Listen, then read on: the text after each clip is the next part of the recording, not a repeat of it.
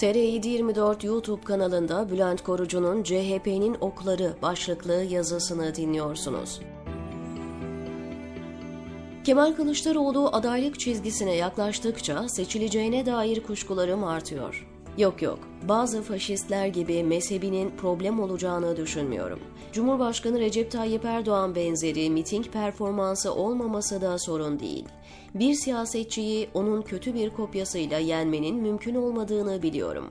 AKP liderinin hutbe okurcasına konuşmasını modellemesi gerekmiyor. Tam aksine onun antitezi olarak sakinliği avantajı. Öyleyse kazanmasını zora sokan faktörler neler? CHP'liler. Her birisi amblemdeki oku almış partiye yaklaşanları onunla kovalıyor. Erdoğan'ın çok işine gelen ve fazlasıyla istismar ettiği eski CHP imajı sürsün diye kendilerini paralıyorlar. Ana muhalefete Truva atları sokulmuş olsa ancak bu kadar başarılı olunurdu. Kılıçdaroğlu'nun uzattığı her zeytin dalını ıskalamadan kırma çabası içindeler. Mesela Şerafettin Trupçu her fırsatta HDP ve Selahattin Demirtaş'a çakıyor. Kürtler CHP'ye ve onun genel başkanı Kılıçdaroğlu'na sempati duyacaklar diye ödü kopuyor. Oysa sonucu belirleyecek kilit seçmeni Kürtler ve bunu Sağır Sultan bile biliyor. Turpçu arta kalan zamanlarda da ittifak ortağı Deva ve Gelecek partileriyle uğraşıyor. Erdoğan, Ahmet Davutoğlu, Ali Babacan ve Abdullah Gül'ün fotoğraflarını kolajlayarak beraber geldiler, beraber gidecekler. Başka bir yolunun olmadığını da her gün görüyoruz paylaşımını yapıyor. Diğer örnek Genel Başkan Yardımcısı Gökçe Gökçen. KHK'lılar ve Gülen Hareketi mensupları sempati duymasın, oy vermeyi aklının ucundan geçirmesin diye özel gayret sarf ediyor. İktidarın FETÖ söylemi etkisini kaybetmesin diye sözü dolaştırıp bir şekilde cümle içinde kullanıyor.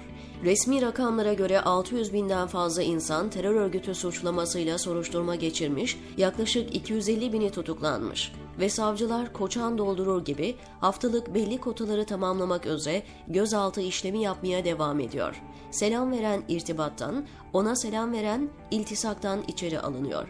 Buna rağmen bırakın terör eylemini en küçük itiş kakış bile yaşanmıyor. Yine de Gökçe'nin temsil ettiği bir grup iktidarın terör örgütü sakızını onlardan daha iştahla çiğnemeye devam ediyor. Gökçen bir hukukçu ama hukukun temel ilkelerini göz ardı etmekten çekinmiyor, bir siyasetçi ama siyasal başarının toplumsal yaralara duyarlılıktan geçtiğini bilmiyormuş gibi davranıyor. Kılıçdaroğlu helalleşme dedikçe o ve onun gibiler köprüleri havaya uçuruyor. İkna odacı Nur Serter'in klonlanmış halini andırıyor. 28 Şubat'a yetişemediği için hayıflandığını her haliyle belli ediyor. Sosyal medyadan Gökçen'e tehditler savuran, mermi fotoğrafı gönderen, hatta evinin yakınlarında atış talimi yapan bir tip var. Şikayete rağmen adam hakkında doğru dürüst işlem yapmıyorlar. O da sosyal medya yargısına müracaat ediyor. Fakat anlamadığım noktalar var. Adamın ismini gazeteler dahil herkes kodlayarak yazıyor. FG. Bu ülkede hamile kadınlara, yürümekten aciz yaşlılara kelepçeli biçimde medyanın önünden resmi geçit yaptırılıyor. Babası cezaevinde olan ailelere deterjan ve sıvı yağ gibi temel maddelerle yardım yapan, çamaşır suyu imamına baskın için ta İstanbul'dan Bartın'a kameralı drone gönderiyorlar.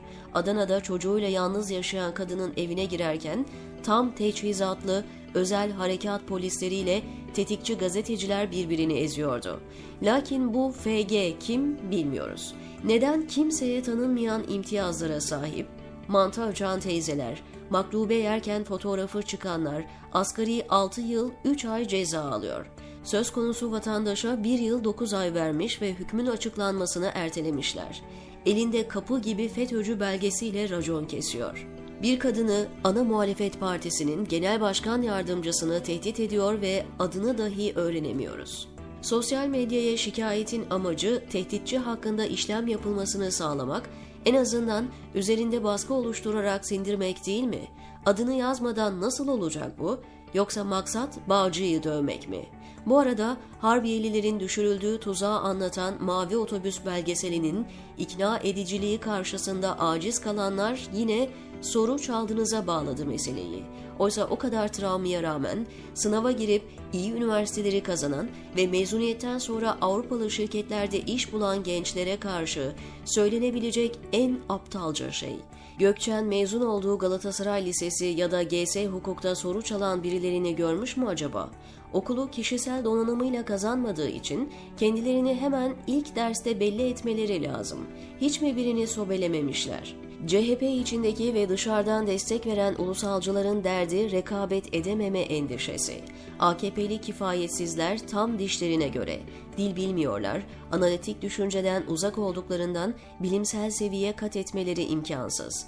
Onları havada karada tokatlıyorlar. Oysa cemaatçiler öyle mi? Dedelerinden, babalarından kalma alanlarda boy gösteriyor, meydan okuyorlardı. Eğitim yıllarında ve akademik hayatlarında onlarca cemaatçiyle beraber bulunmuşlardır. Somut olarak isim vermeleri kolay olmalı. Şu kişi geri zekalıydı. Soru çalmadan Galatasaray'ı kazanması imkansızdı demesini bile yeterli göreceğim. Bir kişi söylesinler. Binlerce akademisyen KHK'larla atıldı, birisine dahi soru çalma ya da intihal suçlaması yapılmadı. Binlerce yüksek lisans, doktora tezi var. Neden hiçbiri intihal yapmamış? Soru çalmadan bir yerlere gelemeyen insanlar kendi başlarına oturup doktora tezi mi yazmış? Hadi canım sende, diyor Bülent Korucu TR724'deki köşesinde.